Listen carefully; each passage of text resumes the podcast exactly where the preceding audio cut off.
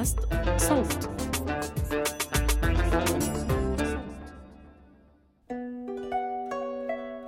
كان يا مكان في بعيد البلدان.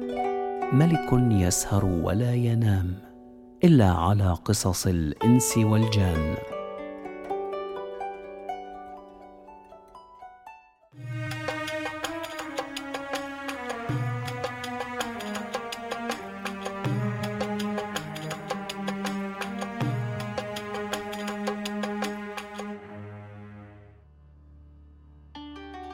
بلغني أيها الملك السعيد أنه كان في بغداد جزار يبيع اللحم ويربي الخرفان وكان كبار التجار وأصحاب الأموال يقصدونه ويشترون منه اللحم فاكتسب من ذلك مالا عظيما واقتنى الدواب والدور ثم أقام على ذلك زمنا طويلا.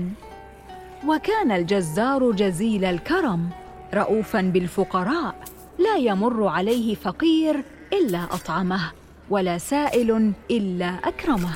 وكان ذلك سببا في طرح البركة في ماله وعياله. فرزقه الله ستة أولاد لكل منهم صنعته. وكان ولده الرابع هو الذي يعمل معه جزارا. وبعد سنوات هرم الجزار ومرض. وعلم أنه سيرد إلى مولاه فأوصى أبناءه بعمل الخير وإيتاء الصدقات وإطعام الفقراء والمساكين وإكرام السائلين وإعانة المحتاجين. وترك محل اللحم لابنه الرابع وأوصاه به وشدد عليه في الوصية بالتصدق والإحسان لأن محل اللحم هو باب رزقهم وسر البركة في مالهم. لكن الولد الرابع نقض وصية أبيه وأقفل بابه في وجه الفقراء والمساكين وانشغل بكنز الأموال والممتلكات وابتعد عن فعل الخير والصدقات. وبينما هو في دكانه في يوم من الأيام دخل عليه شيخ عظيم الهيئة له شعر أبيض ولحية بيضاء وعليه ثوب أبيض وعمامة بيضاء. ثم دفع الشيخ للجزار دراهم وقال أعطني بها لحما. فأخذ الجزار الدراهم منه وأعطاه اللحم ثم انصرف الشيخ. تأمل الجزار في فضة الشيخ فرأى دراهمه بيضاء بياضا ناصعا فعزلها وحدها في درج. وظل الشيخ يتردد عليه خمسة أشهر والجزار يضع دراهمه في صندوق وحدها وفي يوم من الأيام أراد الجزار أن يخرج الدراهم ويشتري بها غنما. فلما فتح الصندوق وجد أن دراهم الفضة صارت ورقا أبيض مقصوصا على شكل نقود. فلطم وجهه وصاح يا ويلتاه يا ويلتاه على دراهمي. اجتمع الناس عليه فأخبرهم بما جرى له فتعجبوا لأمره. ثم رجع الجزار إلى الدكان على عادته فذبح كبشا وعلقه خارج الدكان. ليت ذلك الشيخ يعود! فأقبض عليه! فما كانت إلا ساعة حتى أقبل الشيخ ومعه دراهم الفضة المزيفة. فقام الجزار وأمسك به وصار يصيح. يا قوم! يا قوم يا أهل السوق! أنجدوني وأعينوني كي أسترد حقي من هذا الفاجر! فلما سمع الشيخ كلامه ابتسم وقال له أي شيء أحب إليك؟ أن تتركني أذهب في حال سبيلي أو أن أفضحك بين الناس؟ وبأي شيء تفضحني؟ ها؟ بأنك تبيع لحم البشر على أنه لحم الغنم. وبأي حجة سيصدقك الناس أيها الكذاب اللعين؟ بحجة الرجل المعلق عندك في الدكان. افعل ما شئت. فإن كان الأمر كما ذكرت فمالي ودمي حلال عليك. فصرخ الشيخ. يا أيها الناس إن هذا الجزار يذبح البشر ويبيع لحمهم على أنه لحم غنم. وإن أردتم أن تعلموا صدق قولي فادخلوا دكانه. هجم الناس على دكان الجزار. فرأوا ذلك الكبش الذي ذبحه وعلقه في الصباح فصار إنسانا معلقا. ولما رأوا ذلك أمسكوا بالجزار وصاحوا عليه وصار أعز الناس إليه يضربه. ثم لطمه الشيخ على عينه فأتلفها. وحمل الناس ذلك الكبش الذي صار على صورة رجل مذبوح إلى صاحب الشرطة. فقال له الشيخ أيها الأمير إن هذا الرجل يذبح الناس ويبيع لحمهم على أنه لحم غنم وقد أتيناك به. فقم وأقم عليه القصاص. حاول الجزار أن يدافع عن نفسه فلم يسمع منه صاحب الشرطة بل أمر بضربه خمسمائة ضربة بالعصا وأمر بأخذ جميع أمواله وممتلكاته. ولولا كثرة أمواله لكانوا قتلوه. ثم أمر صاحب الشرطة بنفي الجزار من المدينة فخرج الجزار هائما لا يدري إلى أين يتوجه. ثم إن الجزار دخل مدينة كبيرة وقرر أن يعمل اسكافيا فيها لأنه كان قد تعلم تلك الصنعة عن عمه قبل أن يعمل في الجزارة مع أبيه. فتح الجزار دكانا وظل يعمل قدر ما يقتات به. لكنه ظل على عادته من البخل مع المساكين وإهانة السائلين. ذات يوم خرج صاحبنا إلى السوق فسمع صهيل الخيل فبحث عن مصدر الصوت فقيل له إن الملك خارج إلى الصيد والقمص. فخرج الجزار ليتفرج على الموكب وأثناء مسير موكبه التفت الملك فوقعت عينه على عين الجزار. فأطرق الملك رأسه وقال أعوذ بالله من شر هذا اليوم. وثنى الملك عنان فرسه وتأهب للرحيل. وأثناء انصرافه راجعا إلى قصره أمر عسكره قائلا اضربوا ذلك الأعور اللعين. فجاءوا إليه وضربوه ضربا موجعا حتى كاد يموت ولم يدر الجزار سبب ضربهم له. فرجع إلى دكانه وهو في حالة يرثى لها. حتى مر عليه رجل من حاشية الملك فاستوقفه الجزار وقص عليه ما وقع له. فضحك الرجل وقال إن الملك لا يطيق أن ينظر إلى رجل أعور لا سيما إن كان أعور في العين اليسرى. فلما سمع الجزار ذلك الكلام عزم على الهرب من تلك المدينة وأغلق دكانه ورحل منها وظل مسافرا حتى وصل إلى مدينة أخرى لم يكن لها ملك وأقام فيها وقرر أن يعمل حطابا كي لا يختلط بالناس ولا يشعر به أحد وظل على حاله لا يدعو ضيفا ولا يطعم مسكينا. ثم بعد فترة خرج يوما ليحتطب في الغابة فسمع صهيل الخيل خلفه. فقال في نفسه آه قد جاء أمر الله. لو أمسكوا بي فسيضربونني حتما وسألاقي حتفي اليوم لا محالة. وفر يبحث عن موضع يختبئ فيه فلم يجد. ثم نظر فرأى بابا لسرداب تحت شجرة. فتح ذلك الباب ودخل فرأى دهليزا طويلا مشى فيه ولم يشعر إلا ورجلان قد أمسكا به. فقال أحدهما الحمد لله الذي مكننا منك أيها العين.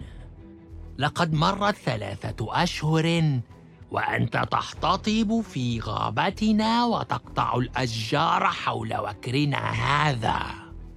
ونحن لصوص نعمل بالليل وننام بالنهار. فلم يهنأ لنا نوم منذ أن أتيت إلى مدينتنا وعكرت صفونا وأفسدت علينا عملنا. لقد قطعت الأشجار من حولنا حتى انكشف مكاننا وأصبح الناس يمرون من هنا. وصرنا نسمع صهيل خيل العسكر يمر على مقربة منا بين الحين والآخر. وما نظنك فعلت كل هذا صدفة. فإما أن تكون عدوا لزعيمنا أو جاسوسا للعسكر تعينهم على إيجادنا. ثم حملاه وأخذاه إلى قاعة كبيرة مليئة بالكنوز والمجوهرات وفي وسط القاعة عشرون لصا وبينهم فتى بهي الوجه ملابسه رثة قديمة مكتف ومكمم. فأخبر اللصان بقية العصابة بخبر الجزار الحطاب. فقاموا إليه وضربوه ضربا مبرحا ولم يتركوه حتى ظنوا أنه مات. ولما جن الليل خرج اللصوص إلى عملهم وتركوا الجزار جثة هامدة ومعه الفتى المكتف. فلما استفاق الجزار ولم يجد اللصوص علم أنه لن يجد فرصة أخرى للنجاة بحياته. فاستجمع قواه وقام واقفا وبدأ يعرج باتجاه المخرج لكنه تذكر الفتى المكتف فلم يهن عليه أن يتركه لمصيره مع أولئك اللصوص. ثم عاد إليه وفك رباط قدميه وعندما بدأ يفك رباط يدي الفتى والكمامة التي على فمه أحس برعشة خفيفة في الأرض فعلم أن اللصوص عائدون. فأسرع بالفتى وهو لا يزال مكمما ومكتف اليدين فأخرجه من السرداب واوى به إلى مجموعة من الأشجار الكثيفة فاختبأ بينها. لا تتحرك يا فتى. فها قد عاد اللصوص إلى وكرهم. يبدو أنهم غنموا مغنما كبيرا فما أكبر الصناديق التي يدخلونها معهم. آه يا إلهي لقد لقد اكتشفوا أننا هربنا. أوه. وها هم؟ وها هم يخرجون للبحث عنا؟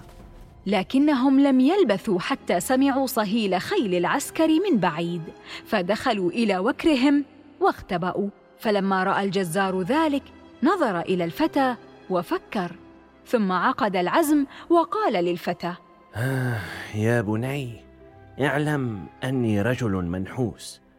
وإن وجدك العسكر معي سيظنون أنني أنا من خطفك وسيقتلونني. وإن وجدوني من دونك فسيكتب الله لهم سببا يضربونني من أجله. وأنا لم يبق لي ما أخسره وليس لي ما أعيش من أجله. ثم أخرج ما في جيبه من نقود وأعطاها للفتى. هذا كل ما بقي لي من هذه الدنيا. خذه واختبئ هنا. ريثما أجد العسكر وأدلهم على وكر اللصوص. ولا تخرج حتى ينتهي العسكر من إلقاء القبض على اللصوص كلهم. حتى إذا رحلوا جميعا سر بذلك الاتجاه حتى تصل إلى المدينة واستعن بهذه الدراهم حتى تجد أهلك. ثم إن الجزار خرج يركض قبل أن يسمع من الفتى وظل يركض حتى وجد العسكر فصرخ بهم حتى انتبهوا إليه فأمسكوا به ورأوا أثر الضرب عليه فظنوا أنه لص فألقوا القبض عليه لكن الجزار لم يحاول إقناعهم ببراءته بل أخبرهم عن موضع وكر اللصوص. إيه إنهم اثنان وعشرون لصا يختبئون في سرداب في سرداب تحت الأرض. فتحرك العسكر نحو الوكر حتى وصلوا واشتبكوا باللصوص وهزموهم وألقوا القبض عليهم وأخذوهم مع الجزار إلى صاحب الشرطة. ثم إن اسبوعا كاملا قد مر والجزار في السجن ينتظر مصيره حتى جاء العسكر وأخذوه لعرضه على القاضي. فلما حضر الجزار بين يدي القاضي سأله عن حكايته. امتنع الجزار عن الكلام فأصر عليه القاضي حتى حكى له صاحبنا حكايته كلها من أولها إلى آخرها. فلما سمع القاضي كلامه ابتسم وقال إن الفتى الذي أنقذته هو ابن شيخ التجار كان قد أخرجه معه في قافلة متجهة إلى بغداد. وكان شيخ التجار إذا خرج في قافلة تنكر على هيئة مسكين حتى لا يعرفه اللصوص إذا سطوا على القافلة. وفعل نفس الشيء مع ابنه. لكن اللصوص لما سطوا على القافلة استجوبوا حارس من حراسها فوشى بالتاجر وولده فأخذوا الفتى مع الغنائم وأطلقوا أباه كي يفتدي ابنه بمبلغ كبير. وقد مرت أيام والعسكر يبحثون عن وكر العصابة فلا يجدونه. وفي كل ليلة يتسلل أحد اللصوص إلى بيت شيخ التجار ويترك له رسالة تذكره بفدية ابنه. حتى جئت أنت وأخبرت الجند عن الوكر وإننا كنا سندق عنقك معهم لولا أن الفتى عاد إلى بيت أبيه وأخبره بما جرى. ثم أمر القاضي الحراس فأدخلوا شيخ التجار وابنه. فشكر شيخ التجار الجزار على إنقاذ ابنه وأقسم أن يكافئه فاشترى له دارا في المدينة ودكانا وأثث له الدار وجهز له الدكان واشترى له الغنم والبقر ليشتغل جزارا كما كان ثم عرفه على كبار التجار وأصحاب السوق حتى عاد ذا شأن ومال. ومن قوة الصدمة وشدة ما جرى له صار الجزار كلما رأى فقيرا في ثياب قديمة أو مسكينا ذا ثياب رثة أطعمه وأكرمه وأحسن إليه.